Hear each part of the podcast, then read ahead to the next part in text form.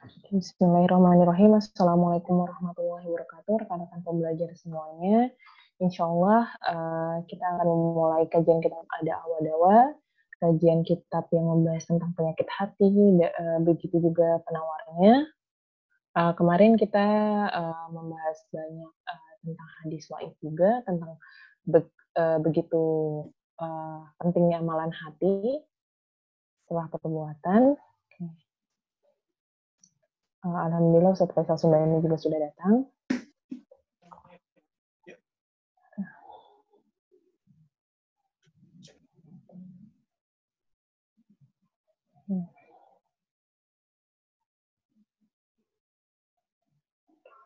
Oke, sudah jam setengah delapan ya. Oke, mari kita mulai. Bismillahirrahmanirrahim. Assalamualaikum warahmatullahi wabarakatuh. Waalaikumsalam. Alhamdulillah rabbil alamin wa bihi nasta'in wa ala waddin wa ala alihi wa sahbihi ajmain amma ba'du. Oke. Selamat malam teman-teman semua. Terima kasih telah hadir di kajian uh, malam ini. Kajian kitab ada awa dawa, kajian yang membahas tentang uh, kajian ini membahas tentang uh, penyakit hati uh, beserta penawarnya. Kitab ini, ini ditulis oleh ulama besar Ibnu Qayyim al-Jauziyah. Kemarin sempat dibahas tentang uh, hadis waib, uh, be, uh, betapa uh, besarnya amalan hati. Oke, mungkin uh, bisa saya langsung kasih ke Ustaz Faisal Sundani. Silahkan Ustaz. Oke, terima kasih. Bismillahirrahmanirrahim. Assalamualaikum warahmatullahi wabarakatuh. إن الحمد لله نحمده ونستعينه ونستغفره ونستهديه ونعوذ بالله من شرور أنفسنا ومن سيئات أعمالنا من يهده الله فلا مضل له ومن يضلله فلا هادي له أشهد أن لا إله إلا الله وحده لا شريك له وأشهد أن محمدا عبده ورسوله رب اشرح لي صدري ويسر لي أمري واحلل عقدة من لساني يفقهوا قولي Puji syukur kehadir Allah Subhanahu wa taala, salawat dan salam kepada Rasulullah sallallahu alaihi wasallam. Dan ucapan terima kasih saya kepada para hadirin dan hadirat sekalian yang sudah meluangkan waktunya untuk mendengarkan mauidhah hasanah, mendengarkan kajian pada malam hari ini. Uh, Alhamdulillah uh, malam lalu kita akhir bahasan kita malam lalu uh, adalah dalam statement Ibnu Taimiyah ya. Jadi kita membacakan satu hadis terakhir, hadis wa'id ya, hadis ancaman lagi. Uh, hadis wasta, hadis wa'id atau ancaman yang yang di yang dikedepankan oleh Imam Ibnu Qayyim al-Jauziyah dalam kitabnya ini uh, sementara sebelumnya kita berbicara tentang bagaimana amalan-amalan yang tidak baik, amalan-amalan yang zalim, amalan-amalan yang yang jahat, amalan-amalan maksiat itu bisa menjerumuskan orang dan malam tadi adalah sebaliknya. Ada beberapa amal-amalan baik yang justru bisa menjerumuskan orang ke api neraka. Kita kita memberikan contoh bagaimana seorang yang syahid, yang fulan syahid itu yang syahid kemudian diambil dipanggil oleh Allah Subhanahu wa taala dan eh, apa namanya dipertanyakan oleh Allah Subhanahu wa taala tentang kesyahidannya.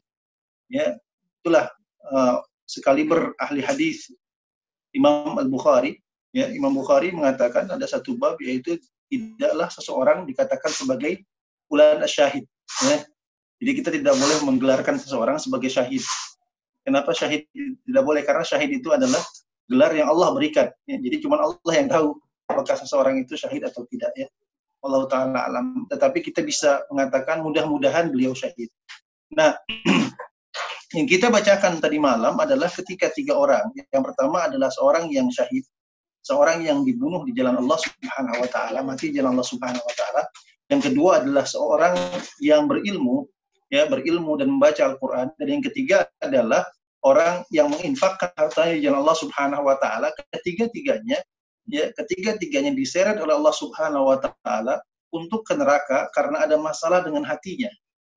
Ya, jadi tadi malam kesimpulannya adalah apa? Kesimpulannya adalah bukan cuma amal-amal yang maksiat yang bisa menjerumuskan kita ke api neraka, tapi bahkan ada amal-amal baik juga yang bisa menjerumuskan kita ke api neraka karena apa?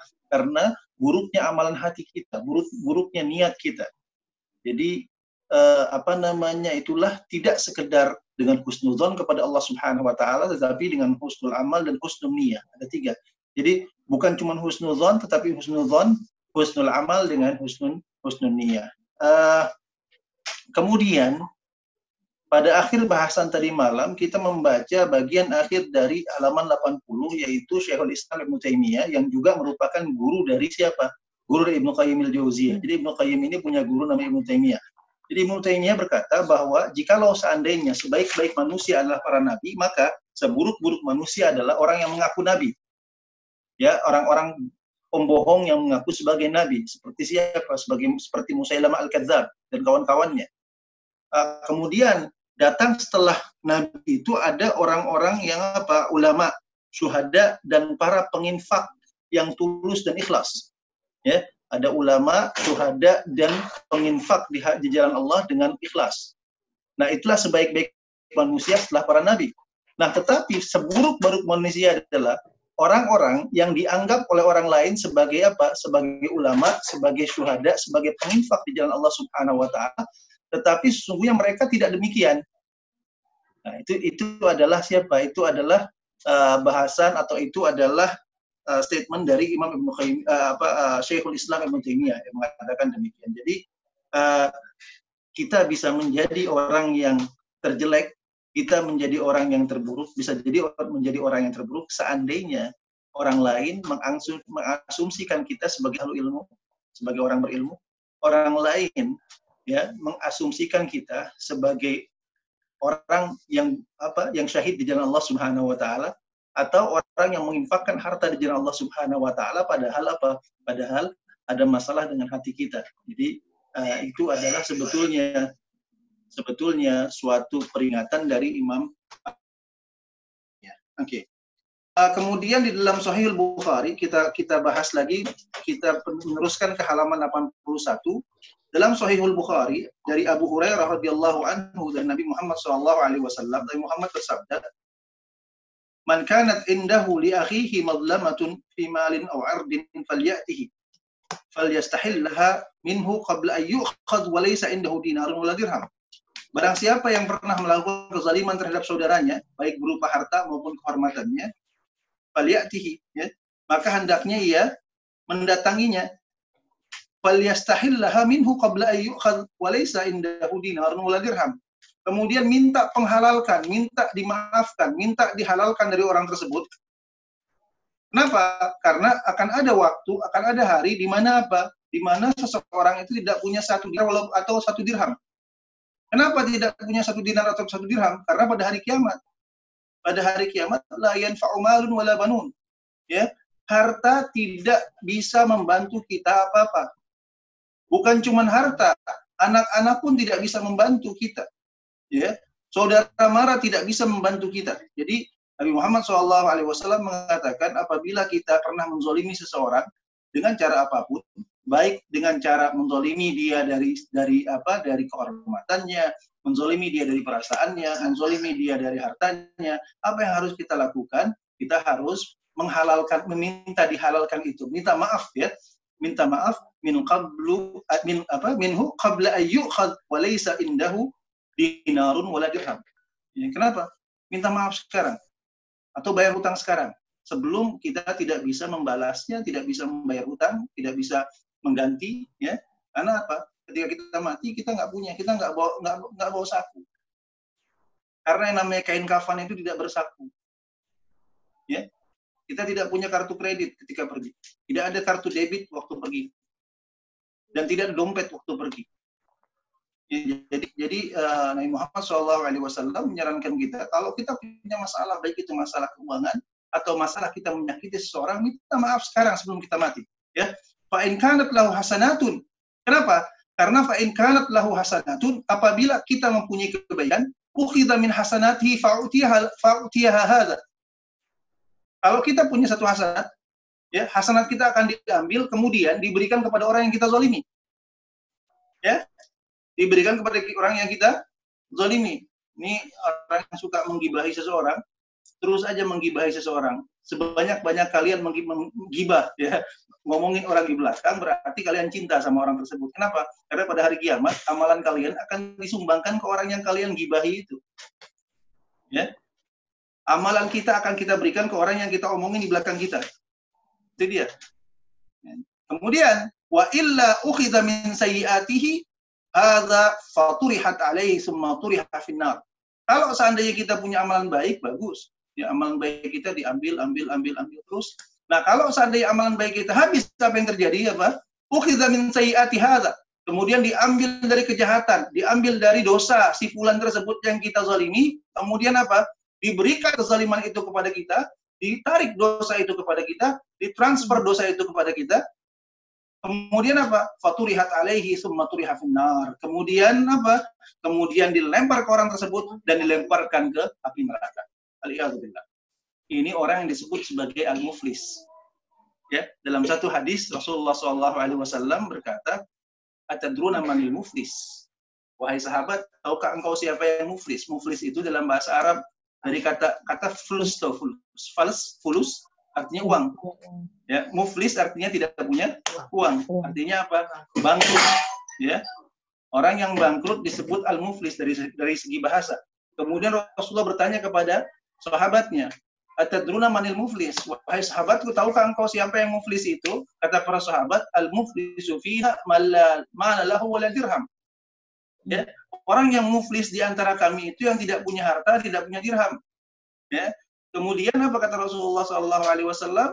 Tidak, tapi al muflisu min ummati. Orang muflis dari umatku adalah ya yang datang pada hari kiamat. Kemudian ada laporan bahwa dia pernah memaki si fulan, dia pernah menggibahi si fulan, dia pernah mengambil menumpahkan darah si fulan, dia pernah mengambil harta si fulan, kemudian diambil hasanatnya dan diberikan kepada si fulan itu. Dan apabila tidak cukup hasanatnya, maka diambil apa dosa si fulan itu diberikan kepada orang tersebut yang disebut sebagai al-muflis. Jadi bangkrut gitu loh. Nah, nah orang-orang ini adalah orang-orang yang yang bangkrut. Jadi jadi kalau seandainya orang menyangka bahwa husnuzon kepada Allah cukup dengan husnuzon saja kepada Allah dan berharap Allah memberikan rahmatnya kepada kita tanpa usaha, tanpa usaha untuk berbuat amal dan meninggalkan dosa, melihat kezaliman, maka orang ini adalah apa? berangan-angan yang tinggi tanpa melakukan usaha. Berangan-angannya dengan apa? Dengan husnuzon kepada Allah. Ya, ini cara husnuzon yang yang salah. Nah, Imam Ibnu Qayyim al-Jauziyah sekali lagi saya tegaskan, Imam Ibnu Qayyim al-Jauziyah dalam bab ini ingin mengobati penyakit orang-orang yang punya penyakit dengan angan-angan tersebut. Penyakitnya diobati dengan apa? Dengan hadis-hadis wa'id ini, dengan ancaman-ancaman Allah Subhanahu wa taala dan gambaran-gambaran apa yang terjadi pada hari kiamat nanti. Ya, itu itu itu hadis yang muflis tadi. Kemudian dalam as-sahih ya, dalam as-sahih Abu Hurairah radhiyallahu anhu meriwayatkan dari Nabi Muhammad sallallahu alaihi wasallam bersabda, "Man akhdha shib haqqihi." Barang siapa yang mengambil sejengkal tanah yang bukan haknya, ya, khusifa bihi yaumal qiyamati ila sab'i ardin. Maka pada hari kiamat ia akan dibenamkan ya ke dalam bumi pada hari kiamat sehingga lapisan ketujuh ke bawah. Dalam riwayat lain tuwiqa ya uh, sab'ina ardin dalam riwayat lain yaitu apa? Ketika kita gosok ya, ketika kita mengambil tanah orang tanpa haknya kita pakai satu jengkal saja shibran, satu jengkal saja satu jengkal kita pakai, ya apa yang terjadi? Maka Allah Subhanahu wa taala pada hari kiamat akan membenamkan kita ke tujuh lapis tanah. Nah, dalam dalam dalam dalam hadis ini berarti membuktikan bahwa memang adalah ada tujuh lapis tanah. Ya, bumi itu ada tujuh lapisan. Ini ini salah satu salah satu apa? Salah satu statement uh, yang yang yang memberikan kita satu gambaran bahwa bumi itu ada tujuh lapisan. Ya, mungkin orang-orang yang uh, para geologis mungkin akan tahu lapisan-lapisan yang tujuh itu ya. Allah taala alam. Tapi ini begini Nabi Muhammad SAW menggambarkan bahwa ada tujuh lapisan. Itu yang pertama. Yang kedua, hadis ini memberikan kita peringatan. Ya. Ini harta orang yang berupa bukan harta yang yang bisa dihitung, tanah ya, properti. Tanah itu kan nggak ke mana-mana gitu loh. Orang bilang kalau kita pakai tanah orang, tanah itu nggak akan hilang. Tanah itu ada di situ kita pakai tanah orang satu jengkal saja tanpa izin, ya satu jengkal saja tanpa izin, maka kita akan dibenamkan oleh Allah Subhanahu wa taala tujuh lapis tanah ke bawah. Ya, ini waliyadzubillah. Sekarang uh, Syekh uh, Abdul Razak Al-Badar mengatakan bahwa dia mendengar dari uh, Syekh seorang seorang guru di Masjid Nabawi yaitu Syekh Atiyah Salim rahimahullah. Uh, Salim itu punya kajian dalam Masjid Nabawi. Beliau pernah membahas hadis ini, kemudian beliau berkata bahwa hadis ini adalah salah satu peringatan bagi orang-orang yang punya bisnis properti. Ya, yang punya bisnis properti. Satu jengkal adalah berarti kalau satu jengkal saja dibenamkan tujuh lapis, bagaimana dengan satu meter? Karena satu jengkal itu nggak pakai sampai satu meter, satu jengkal saja. Ya. Nah ini juga kalau kalau kalau dalam konteks Indonesia ini peringatan kepada orang-orang yang tinggal di komplek atau tinggal di pinggir jalan, ya, dan gerasinya nggak muat, gerasinya nggak muat. Kemudian apa? Ditambah ke depan.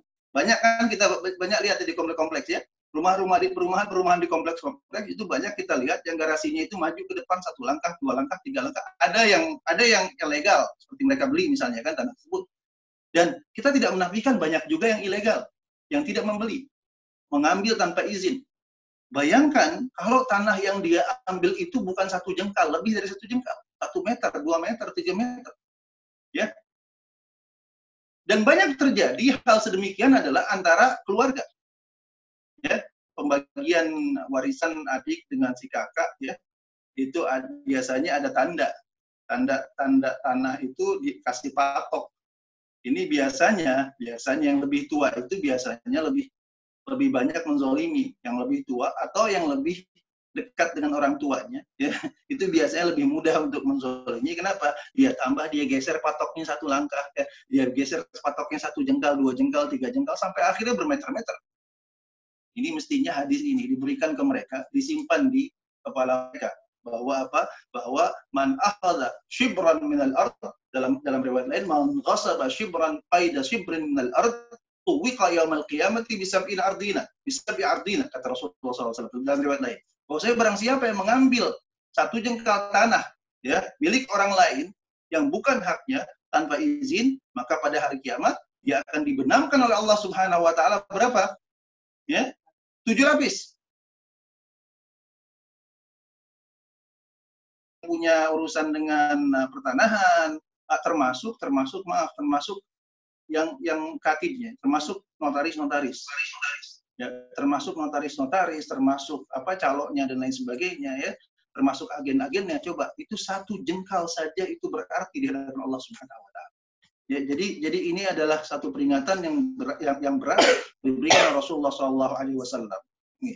Di dalam As-Sahihain dari Abu Hurairah radhiyallahu anhu dia mengatakan bahwa Rasulullah Shallallahu Alaihi Wasallam bersabda, Narukum hadhihi allati yuqidu banu Adam juz'an wahidan min sab'ina juz'an min nari jahannam. Bahwasannya api kalian yang kita pakai untuk memasak, yang kita pakai di rumah itu, yang dinyalakan oleh anak Adam, oleh manusia, oleh Bani Adam, juz'un wahidun adalah cuma satu bagian ya min sab'ina juz'an dari 70 bagian minari jahannam. Kalau ada 70 level ya. Nah, kita cuma adalah satu dari dari level 70 itu yang kita pakai di dunia itu. Yang bisa menyebabkan orang terbakar, yang bisa menyebabkan orang terbakar jadi abu. Ya. Itu cuma berapa bagian? Satu dari 70 level kalau orang makan yang pedas-pedas kan level 1, level 2, level 3, level jahanam yang paling tinggi. Ya, itu itu pedasnya luar biasa. Nah, bayangkan ini adalah api yang kita pakai untuk sehari-hari, api kita yang kalau kita simpan tangan kita di atas kompor tersebut, tangan kita bisa kepanasan, itu 70, satu dari 70 level. ya Dari 70 bagian dari naruh jahanam. Qalu wallahi in kanat lakafiyah. Ya, Lalu dan para sahabat bertanya, berkata, demi Allah, yang satu ini aja cukup untuk menghanguskan. Jadi api itu kan bukan cuma menghangatkan, tapi menghanguskan. Ya, satu saja cukup untuk menghanguskan. Bahkan itu banyak kalau orang apa, masak tuh banyak nggak perlu pakai api, pakai panasnya aja bisa matang. Pakai panasnya aja bisa matang. Ya, kalau kita kalau oven itu kan nggak ada apinya, nggak nggak kena ke apinya, tapi jauh dari apinya, panasnya bisa matang ya, bisa bisa bukan cuma bisa matang, bisa angus. Ya, bayangkan kalau seandainya itu adalah satu bagian dari 70 bagian api neraka gitu loh. Jadi para sahabat berkata, ya demi Allah ya Rasulullah, yang satu ini saja sudah cukup untuk menghanguskan. Ya, Allah Rasulullah Shallallahu Alaihi Wasallam bersabda, fa innaha qad fuddilat 'alaiha bitis'atin wa sittina juz'an kulluhunna mithlu. Sesungguhnya neraka jahanam dilebihkan panasnya 69 bagian. Setiap bagian seperti panas api kalian. Ini levelnya naiknya seperti sekarang ini. Kalau orang level apa namanya kalau kita makan seblak yang yang paling apa pedas itu level paling tinggi ya level atasnya lagi dua kali level itu ya kemudian level itu sampai 69 kali bayangkan ya itu panas sekali berarti ya itu panas panas sekali dalam al musnad dari Muad bin Jabal radhiyallahu anhu ia berkata bahwa Rasulullah Shallallahu alaihi wasallam pernah memberikan wasiat kepadaku berikut ini oke okay. uh, eh, kita akan membaca ini insya Allah uh, bab ini akan hampir habis ya bab wahid wahid ini kita akan apa ada beberapa hadis saja yang yang apa yang yang akan kita habiskan insya Allah malam ini ya sedikit lagi. Uh, ini di antaranya dalam Al Musnad dari Muaz bin Jabal yang berkata bahwa Rasulullah SAW pernah memberi wasiat kepadaku berikut ini. La tusyrik billahi syai'an wa in qutilta aw Ya, janganlah engkau syirik kepada Allah Subhanahu wa taala wa in qutilta walaupun engkau dibunuh aw atau engkau dibakar. Wala ta'qanna wadaik wa in wa in amaraka an takhruj an ahlika wa malik dan janganlah sekali-kali ya ini ini ini untuk kita semua ya. Janganlah sekali-kali engkau durhaka kepada orang tua walaupun ya walaupun apa walaupun kedua orang tuamu memerintahkanmu untuk keluar dari keluargamu dan hartamu. Ya jangan. Bahkan kalau syirik pun ya, kata kata Allah Subhanahu wa taala Allah Allah ya Allah yang berfirman dalam dalam dalam dalam Al-Qur'an wa in jahadaka ala an tusyrika bi gimana? Ma laysa laka bi ilmun fala tuti'huma. Kemudian apa? Wa sahibhuma fid dunya ma'rufa. Kata Allah kalaupun kedua orang tuamu itu ya kedua orang tuamu itu berusaha untuk membuat musyirik kepada Allah Subhanahu wa taala jangan ikuti mereka tetapi setelah itu bukannya durhakalah kepada mereka tetapi apa wasahib huma fid dunya ma'rufa. Ya, dan pergauli mereka di dunia dengan pergaulan yang ma'ruf dengan cara yang baik. Itu kata Allah Subhanahu wa taala. Jadi walaupun mereka memerintahkan kita untuk syirik kepada Allah, maka apa? Wasahib huma fid dunya ma'rufa. Jadi ini wasiat yang kedua. Wasiat yang pertama tadi jangan syirik ya. Wasiat kedua ya, berbakti kepada orang tua. Jadi memang berbakti kepada orang tua ini levelnya di bawah di bawah apa? Di bawah tauhid. Jadi tauhid kemudian berbakti kepada orang tua. Ini ini ini apa namanya kalau kalau kalau kalau dalam dalam dalam istilahnya ini adalah masalah atau ini adalah bahasan yang sangat berat, bahasan yang sangat penting sekali berbakti kepada orang tua. Dalam Al-Quran, berbakti kepada orang tua itu disebutkan bukan Allah memerintahkanmu, tetapi Allah telah mentakdirkanmu. Rabbuka. Kata rabbuka, berarti sudah takdir kita kepada takdir yang Allah Subhanahu wa taala tentukan bahwa kita harus berbakti kepada orang tua. Takdir itu memang. Ya, kita bisa tidak suka kepada orang tua, tetapi sudah takdirnya demikian. Sudah takdirnya bahwasanya Allah Subhanahu wa taala menciptakanmu lewat orang tuamu. Nah, jadi wa qadha rabbuka alla ta'budu illa iyyahu wa bil walidaini ihsana. Yang pertama adalah ta'budu illa iyyahu. Jangan syirik kepada Allah. Jangan beribadah kecuali kepada Allah. Yang kedua, wabil walidaini ihsana. Nah, kalau kita lihat dalam Al-Quran dan dalam hadis Rasulullah SAW, perintah berbakti kepada orang tua itu adalah datang setelah perintah untuk tauhid kepada Allah Subhanahu wa taala. Jadi levelnya ini level tauhid. Levelnya ini adalah satu tingkat di bawah wajibnya tauhid. Ya, jadi ini sangat penting sekali. Kemudian, wala tatrukanna salatan maktubatan muta'ammidan dan janganlah engkau meninggalkan sholat maktubah, sholat yang wajib muta'amidan dengan sengaja. Fa inna man taraka salatan maktubatan muta'amidan faqad bari'at minhu zimmatullah. Bahwasanya seseorang yang meninggalkan sholat yang wajib ya muta'amidan dengan sengaja faqad bari'at minhu zimmatullah. Maka telah hilang darinya perlindungan Allah Subhanahu wa taala. Ya, wala tashrabanna khamran dan janganlah engkau meminum khamr Fa innahu ra'su kulli fahishatin. Sesungguhnya khamr itu adalah kepala seluruh fahisyah, seluruh kekejian, ya, seluruh kejelekan, pahala di atas seluruh kejahatan, ya. Ketuanya seluruh kejelekan adalah meminum khamr. Kalau kita lihat minum khamr itu adalah satu pelanggaran yang merusak otak. Nah, dari merusak otak itu bisa merusak agama, bisa merusak keturunan, macam-macam dari khamr. Jadi khamr ini adalah kepalanya apa dosa, ya. Khamr itu adalah kepala dosa. Jadi disebutkan bahwa fa innahu ra'su kulli fahishatin. Wa iyyaka wal ma'siyata dan jauhilah maksiat, ya, maksiat. Fa innal ma'siyata tuhillu sakhatallah. Sesungguhnya maksiat ya akan mendatangkan murka Allah Subhanahu wa taala. Jadi kalau kita lihat nih hadis-hadis yang kita baca ya yang dibacakan dan disebutkan oleh Imam Ibnu hadis-hadis ini adalah hadis-hadis wa'id, hadis-hadis ancaman. Dan di samping hadis-hadis wa'id juga ada hadis-hadis yang merupakan janji Allah Subhanahu wa taala terhadap orang-orang beriman.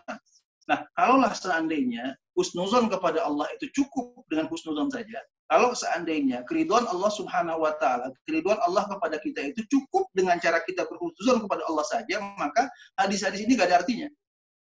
Ya.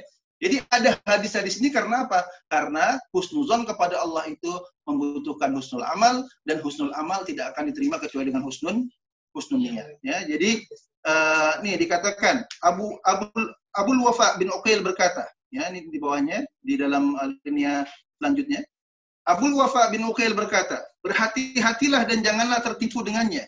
Sungguh tangan itu terpotong disebabkan pencurian tiga dirham. Ya. Hukum dera disebabkan sebesar kepala jarum dari khamar. Seorang wanita bisa masuk neraka disebabkan seekor kucing. Ya. Sebuah pakaian berubah menjadi api bagi orang yang mengambilnya secara tidak sah meskipun ia terbunuh sebagai orang syahid. Jadi uh, jangan jangan tertipu dengan dengan apa? Jangan sekali-kali kita mengkuantifikasikan dosa, menghitung-hitung dosanya cuma kecil.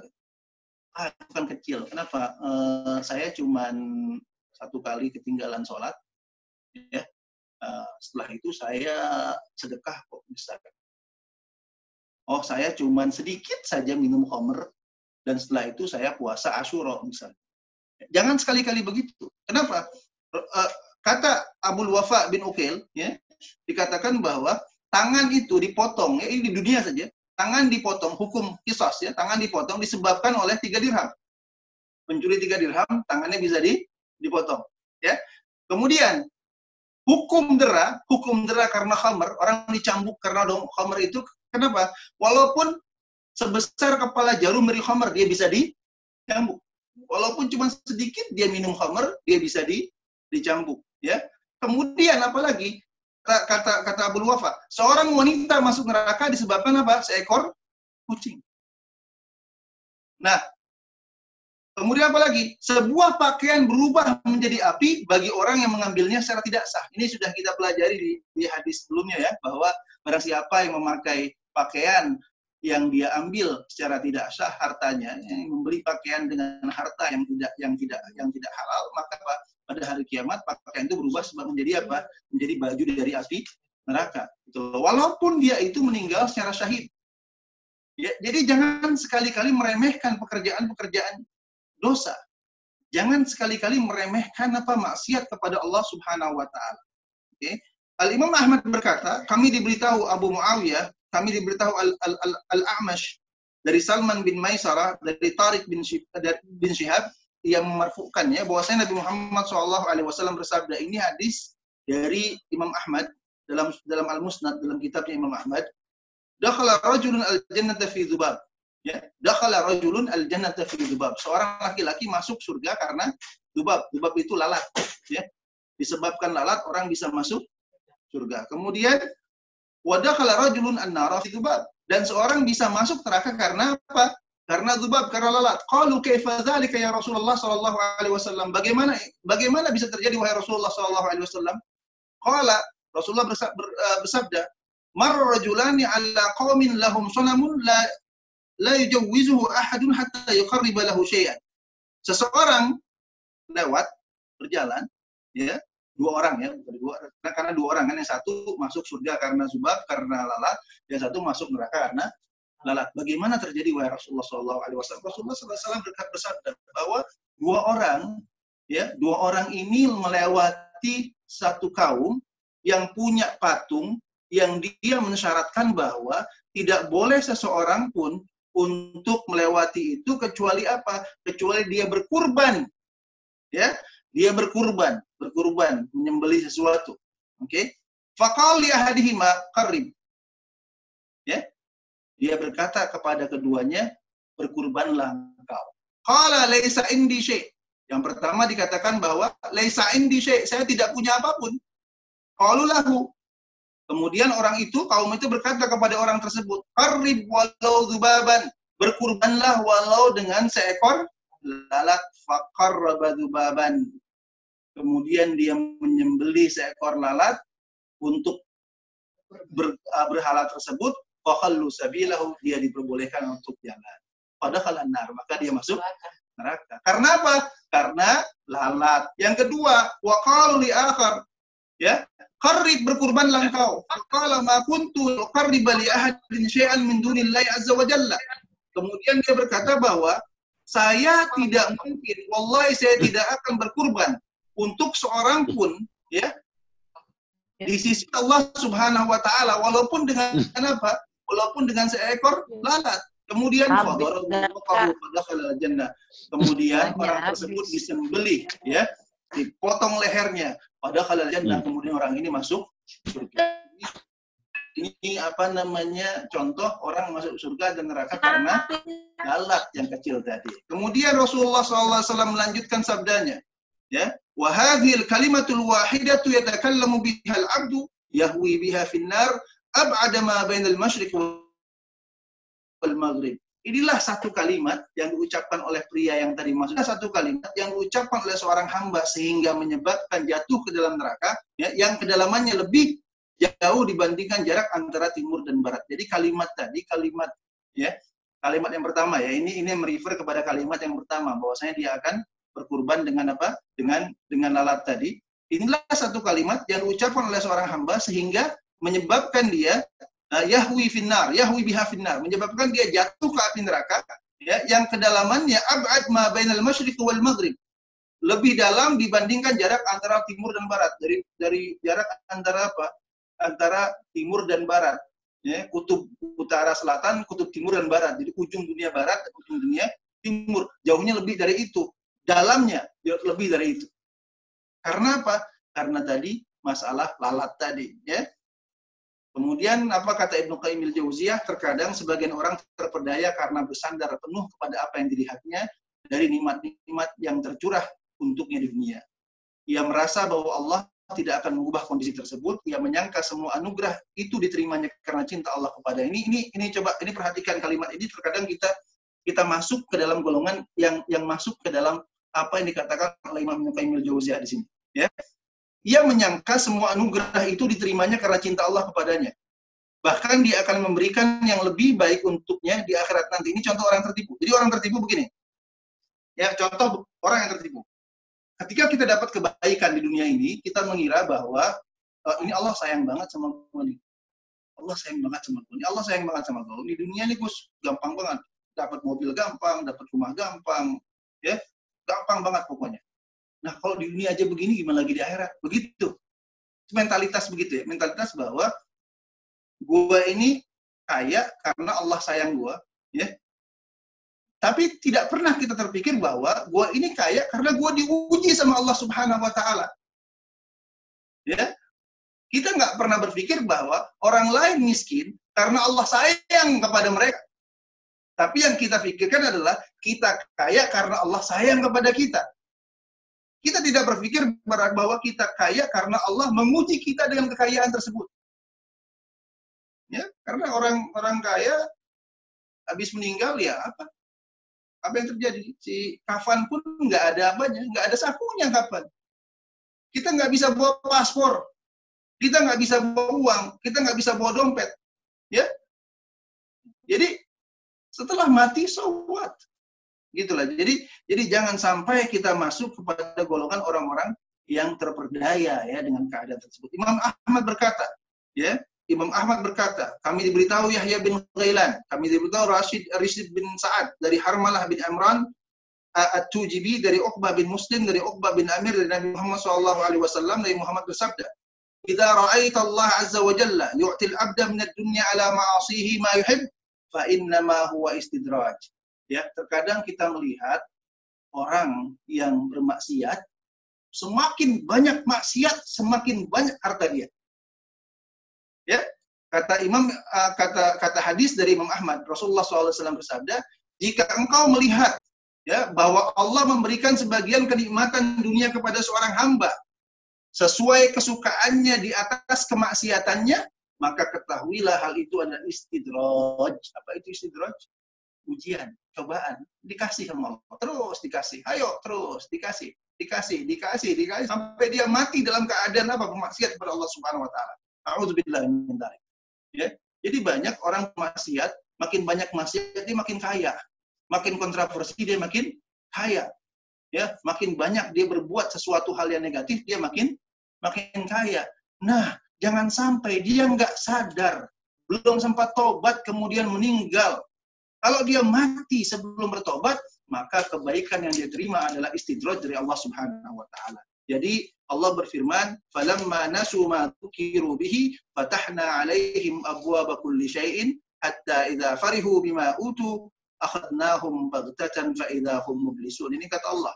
Maka tatkala mereka melupakan peringatan yang telah diberikan kepada mereka, ya, ini orang-orang ini lupa dengan peringatan bahwasanya mereka harus meninggalkan maksiat kepada Allah.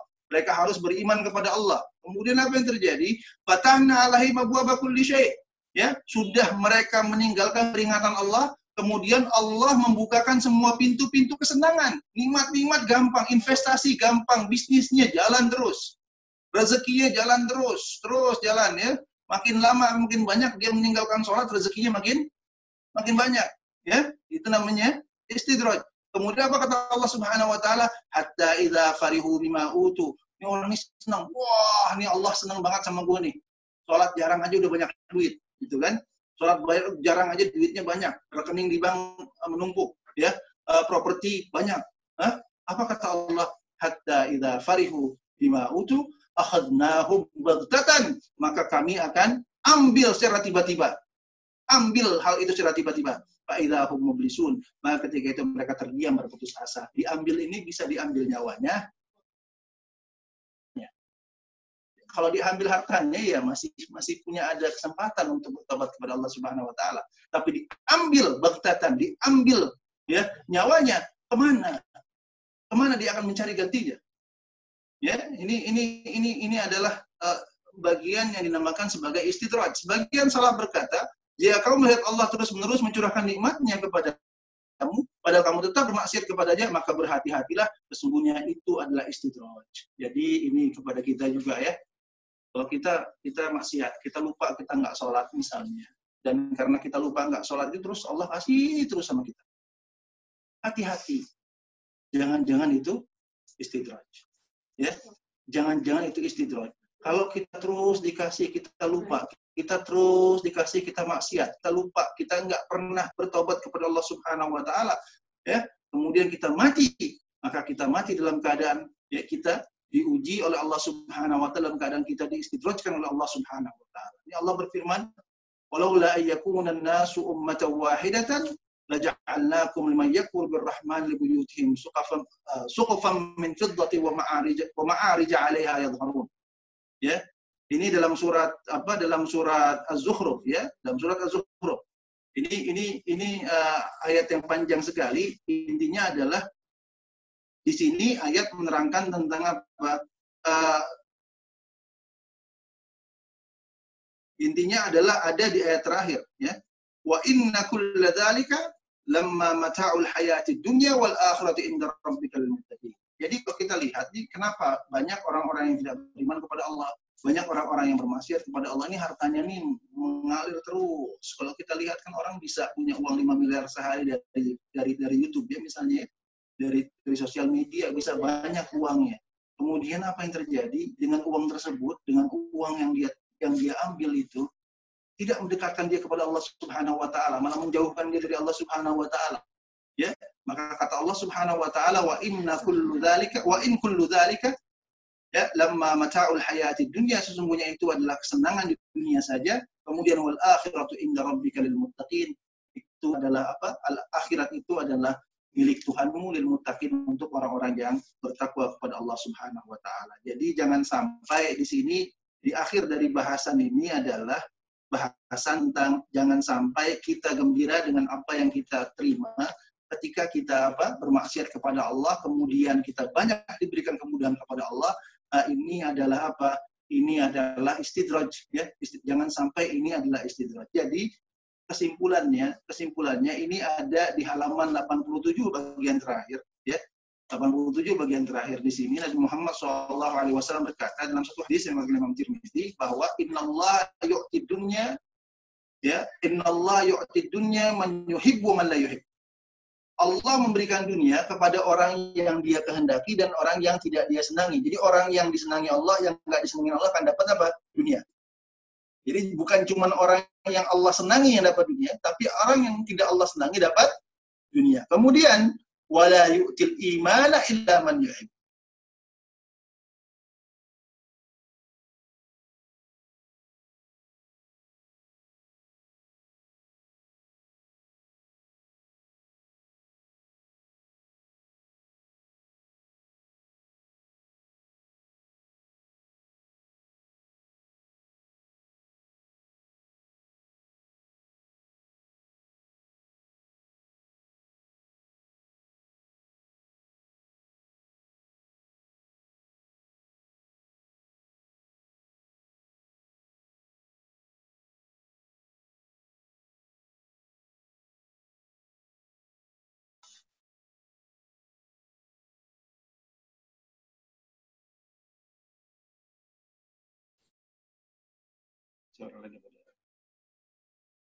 Halo. Halo Ustaz, maaf ya. Koneksinya okay, terputus tadi. Uh, uh, koneksinya terputus. Oke, okay. uh, maaf koneksinya terputus tadi tiba-tiba hilang. Ya, oke. Okay. Jadi intinya adalah dari pembahasan kita, ya, jangan sampai kita menjadi orang yang apa, yang yang diistidrojkan oleh Allah Subhanahu Wa Taala. Ya, kita minta kepada Allah keriduannya, kita minta Allah untuk menjauhkan kita dari apa? Dari kemarahan Allah Subhanahu wa taala. Kita minta Allah untuk menjaga hati kita. Ya, kita minta kepada Allah yang yang yang bisa membalik-balikan hati untuk tetap memberikan kita keimanan kepada Allah Subhanahu wa taala. Kenapa? Karena dengan keimanan kita kepada Allah Subhanahu wa taala menunjukkan bahwa kita dicintai oleh Allah Subhanahu wa taala. Mari sama-sama kita meminta kepada Allah untuk tetap diberikan keimanan kepadanya, dijauhkan dari maksiat kepada Allah Subhanahu wa taala, diberikan keturunan yang baik. Ya Rabbana hab lana min azwajina wa dhurriyyatina qurrata a'yun waj'alna lil muttaqina imama. Rabbana atina fid dunya hasanah wa fil akhirati hasanah wa qina adzaban nar. Subhan rabbika rabbil izzati amma yasifun wa salamun alal mursalin walhamdulillah alhamdulillah rabbil alamin. Kami berikan kepada moderator silahkan. Terima kasih banyak. Bismillahirrahmanirrahim. Assalamualaikum warahmatullahi wabarakatuh. Uh, sekali lagi minta maaf kepada teman-teman semua karena uh, ada kesalahan teknis, uh, ada konek, uh, koneksi kita kurang lancar ya. Semoga nggak kayak gini lagi nanti untuk ke depannya. Oke, tadi dibahas banyak tentang istidroj, uh, kenikmatan-kenikmatan yang Allah berikan, uh, tapi dia bermaksiat. Itu sungguh menyakitkan, ya. Oke, uh, insya Allah nanti hari Selasa akan dilanjutkan uh, uh, kajian seperti biasa uh, di hari Selasa di pukul